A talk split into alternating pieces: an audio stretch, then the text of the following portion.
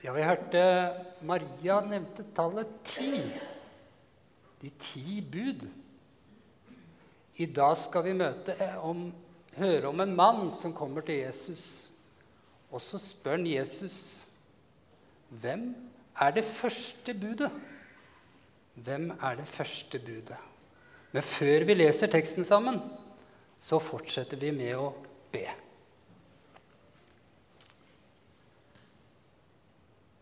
Takk, gode far, for en ny søndag. En ny mulighet til å samles i kirken om ditt ord i ditt navn. Takk for løftene. At når vi samles i ditt navn, så er du her, med og midt iblant. Takk for velsignelsen det er å kunne komme til kirke. Kjenne på fellesskapet.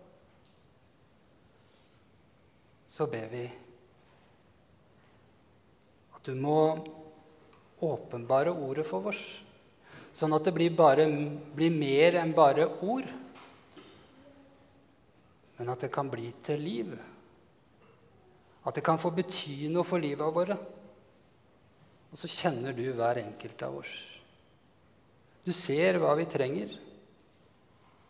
Må du gi ettersom du ser vi trenger. Så ber jeg om at det jeg skal si, får være dine ord. Amen. Vi skal lese teksten fra Markus, kapittel 12, og versa 28-34. En av de skriftlærde som hadde hørt på dette ordskiftet og lagt merke til hvor godt Jesus svarte, gikk bort til ham og spurte, 'Hvilke bud er det første av alle?' Jesus svarte, 'Du skal elske Herren din Gud av hele ditt hjerte' og av hele din sjel og av hele ditt sinn og av all din kraft. Det andre er dette. Du skal elske de neste som deg selv. Ikke noe annet bud er større enn disse. Den skriftlærde sa til ham, Du svarer godt, mester. Det er sant som du sier. Herren er én, og det er ikke noe annet enn Han. Å elske Ham av hele sitt hjerte og all sin forstand og all sin kraft, og elske sin neste som seg selv, det er mer verdt enn alle brennoffer og andre offer. Da Jesus hørte hvor klokt han svarte, sa han til den skriftlærde.: Du er ikke langt borte fra Guds rike. Og ingen våget å spørre ham mer.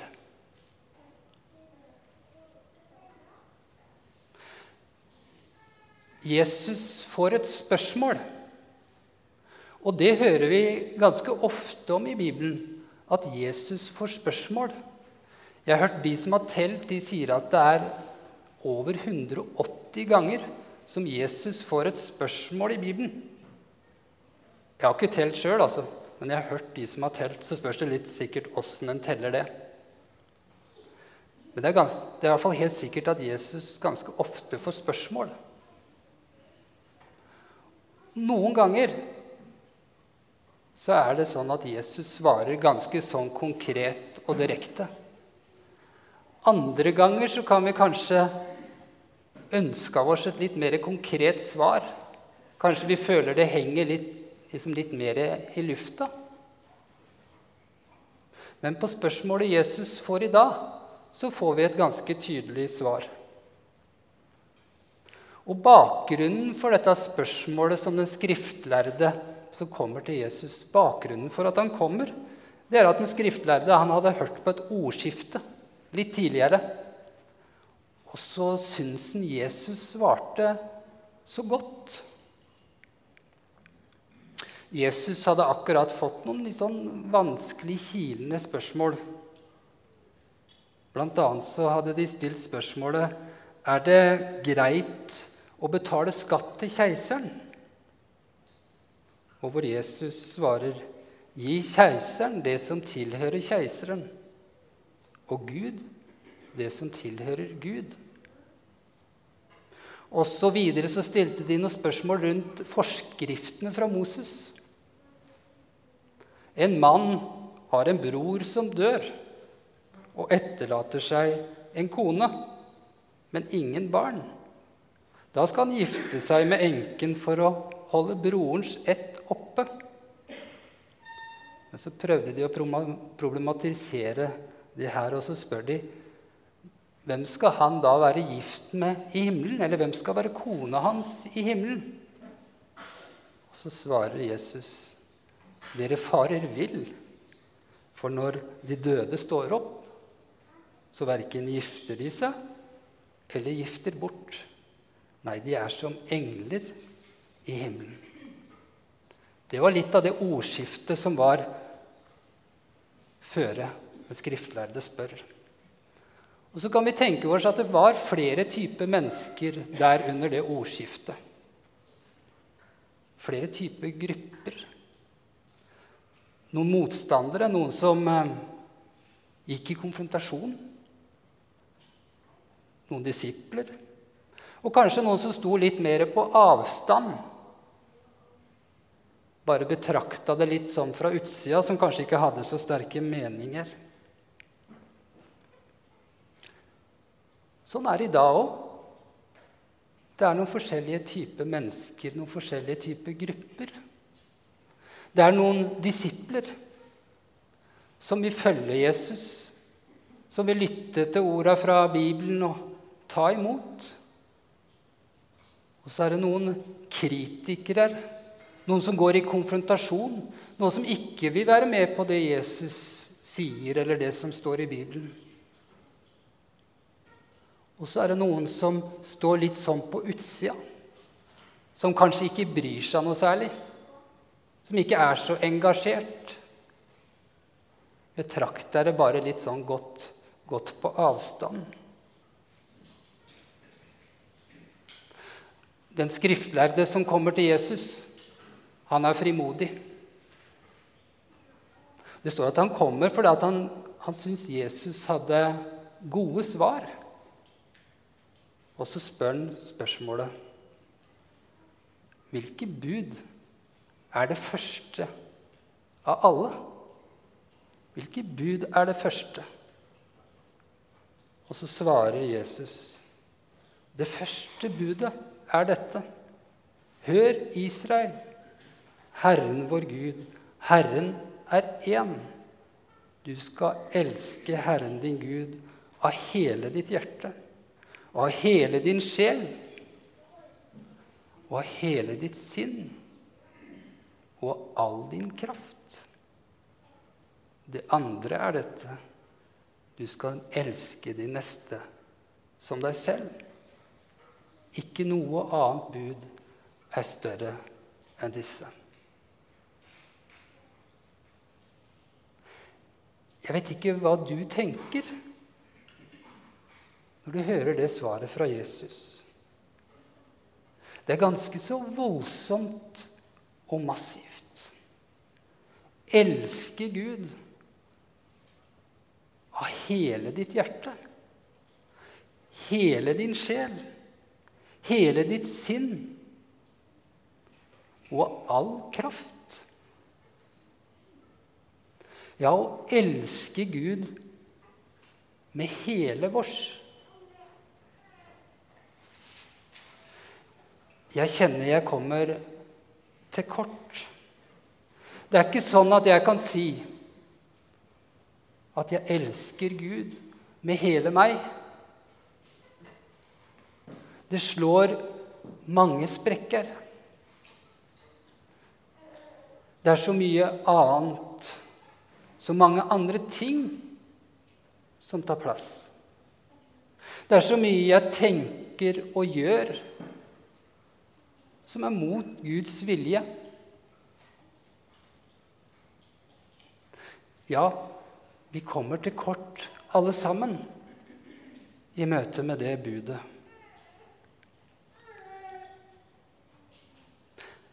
Men hvem er Gud? Jo, vi leste at Herren er én.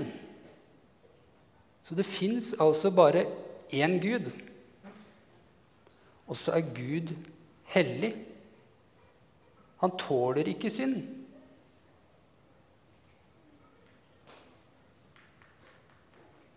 I dag så får vi noen ganger høre 'Du er god nok som du er'. Du er god nok som du er. Og det kan vi noen gang, i noen sammenhenger forstå at brukes. Men i møte med en hellig Gud så er vi ikke gode nok som vi er. Vi er ikke gode nok som vi er. Fordi Gud krever at alt skal være helt perfekt. Det skal ikke være noe feil. Det skal ikke være synd. I møte med det så kommer vi til kort. Vi strekker ikke til i møte med buda, i møte med loven. Loven viser oss, åpenbarer for oss, at vi, at vi er syndere.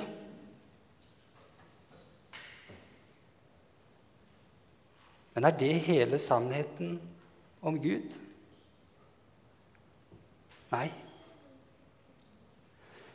I sommer så har jeg igjen og igjen kommet tilbake til en salme, Salme 62. Og jeg siterte noen vers fra den salma når vi var på Fjordglimt, for dere som var der. Det er sånn noen ganger i livet våre som er forskjellig. Vi har det på forskjellig vis.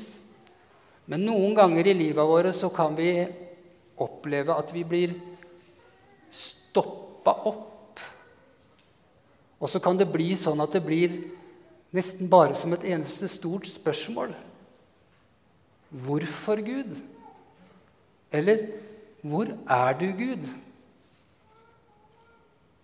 Noen ganger så kan det være sånn. Vi skjønner ikke Guds plan. Da er det stort å ha en Gud som sitter på tronen. Noe som står fast, noe som er større enn vårs eller meg. Ja, noe et sted å gå når en ikke forstår. Men en kan få gå og stole på at Gud, han er der. Hør på de versa fra Salme 62. Hos Gud er min frelse og min ære, min mektige klippe. Min tilflukt er hos Gud. Stol alltid på ham, dere folk, og øs ut hjerter for ham. Gud er vår tilflukt. En gang har Gud talt. To ting har jeg hørt. At makten tilhører Gud, og at all miskunn tilhører Gud. Når vi ikke forstår når vi blir gjort bitte små Når vi blir ydmyke, så kan vi øse ut våre hjerter for Gud. Gud kan være vår tilflukt. Og så får vi høre Gud har all makt. Ja, ikke bare makt, han har all miskunn. Og da tror jeg vi beveger oss litt inn i noe som kan hjelpe oss til å forstå hva Jesus mener med å elske. I 1. Johannesbrev, kapittel 4, så har vi noen vers som jeg tror kan belyse litt av det. Hør på vers nummer 10. Ja, dette er kjærligheten. Ikke at vi har elska Gud, men at Han har elska oss og sendt sin sønn til soning for våre synder. Det begynner altså ikke med, med vårs. Nei. Det er ikke du og jeg som er så, så gode til å elske som en sånn slags prestasjon. Og dessuten så er det vel umulig å tvinge på noen å elske. Nei, det er motsatt. Det er Han som det står i budet at vi skal elske. Gud, Herren, som elsker vårs først. Han som vi leste om i Salme 62, som hadde all miskunn. Og på hvilken måte? Jo, han sendte sin sønn til soning for våre synder. Tenk den allmektige Gud. Han sendte sønnen sin for å dø. For deg. Det kosta Gud blod for å berge vårs. Tenk den allmektige Gud, han som sa 'bli lys', og så blei det lys. Han måtte ofre sin egen sønn. Det var ikke noen enkel, billig redningsaksjon. Og når vi får ta imot det at det var for meg Jesus døde for meg. En kjærlighet som er større enn det vi kan forstå. Da skjer det noe. Da skjer det noe inni oss. For vi blir smitta av hans kjærlighet. Og så leser vi videre fra 1. Johannes, kapittel 4. Og les gjerne det, verset, det kapittelet når du har tid en gang. 1. Johannesbrev, kapittel 4. I vers 19. Vi elsker fordi Han elsket oss først. Den som sier 'jeg elsker Gud', men likevel hater sin bror, er en løgner. Og i vers 21. Og dette er budet vi har fra ham. Den som elsker Gud, må også elske sin bror. Her ser vi sammenhengen mellom de to buda Jesus svarer med i dag, som er de første. De henger uløselig sammen. Elsker en Gud, da elsker en også sin neste. I Luthers katekisme, i forklaringa til Buda, så begynner alle de forklaringene med den samme setningen. Vi skal frykte og elske Gud. Og I fjerde bud for eksempel, så hører vi vi skal frykte og elske Gud så vi ikke forakter eller provoserer våre foreldre. Eller i femte bud vi skal frykte og elske Gud så vi ikke skader vår neste eller gjør han noe vondt. Eller sjette bud vi skal frykte og elske Gud, så vi søker renhet og selvbeherskelse i ord og gjerning. Elske Gud henger uløselig sammen med å elske vår neste. Tilbake til teksten vår. Den eh, skriftlærde han var fornøyd med svaret fra Jesus. Du svarer godt, mester, sa han. Og han kjente seg nok igjen i svaret til Jesus. For svaret er en del av den jødiske trosbekjennelsen. Så han bekrefter ja, det er sant, Jesus.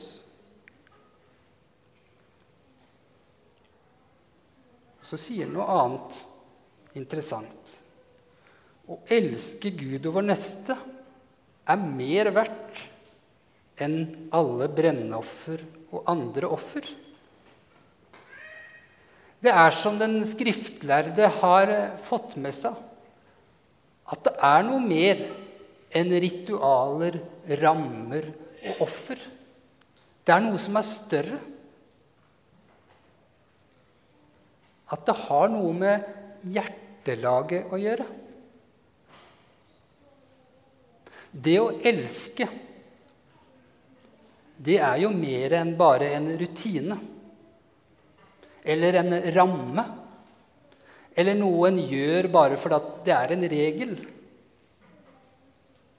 Kjærlighet, det å elske, er jo noe som er skapt inni oss. Det har med hjerteforholdet vårt å gjøre. Som et eksempel så kan vi ta ekteskapet. Selv om det på ingen som helst måte er helt perfekt. Å elske kona eller mannen sin, det er ikke bare en rutine. Liksom en sånn formel ved mange ting vi gjør.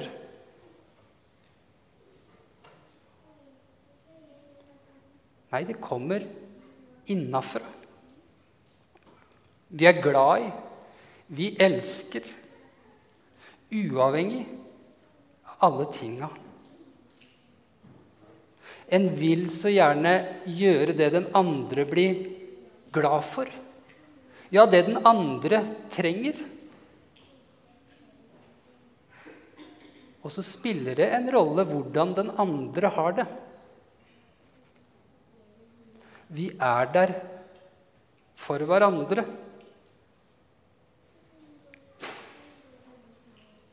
Det er mer enn en regel eller en formel en følger. Det er noe som kommer naturlig innafra fordi vi elsker.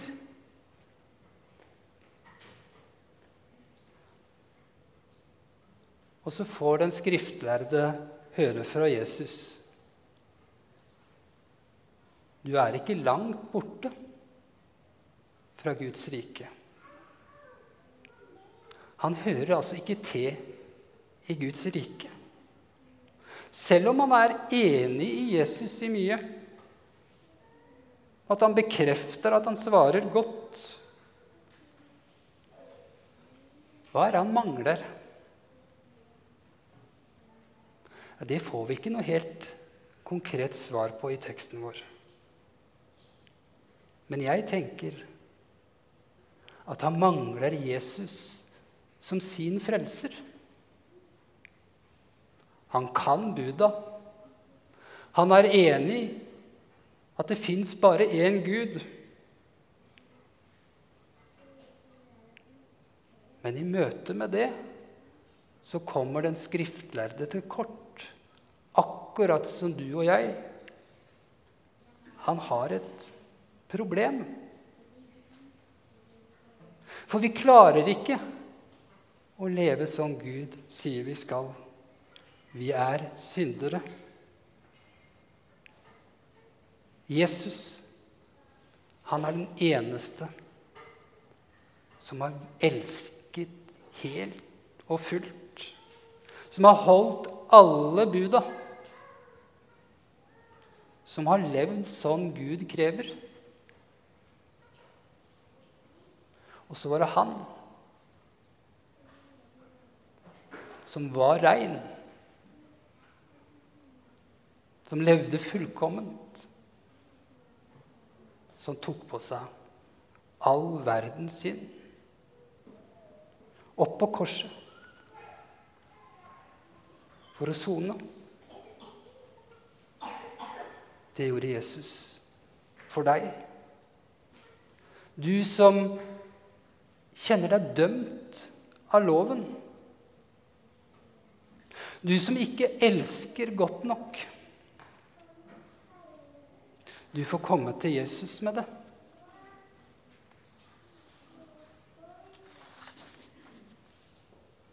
For så høyt har Gud elsket verden. At han ga sin sønn, den enbårne, for at hver den som tror på ham, ikke skal gå fortapt, men ha evig liv. Tenk for en kjærlighet. Guds kjærlighet sendte Jesus for å berge deg. Det var kanskje det den skriftlærde ikke hadde fått ta imot. Må bønnen for våre liv være at vi får leve nær Jesus. I nåden, i tilgivelsen, ja, i Guds kjærlighet slik at den kjærligheten kan få smitte oss, få vokse i våre liv. Og så har jeg lyst til å avslutte talen med den andre leseteksten som er i dag, som er en bønn av Paulus fra Filippebrevet 1 og versa 9-11. Og dette ber jeg om, at deres kjærlighet må bli mer og mer rik på innsikt og dømmekraft, slik at dere kan forstå og avgjøre hva som er viktig, Å stå reine og uten feil på Kristi dag, fylt av rettferdsfrukt som vokser fram ved Jesus Kristus. Til lov og ære for Gud. Amen.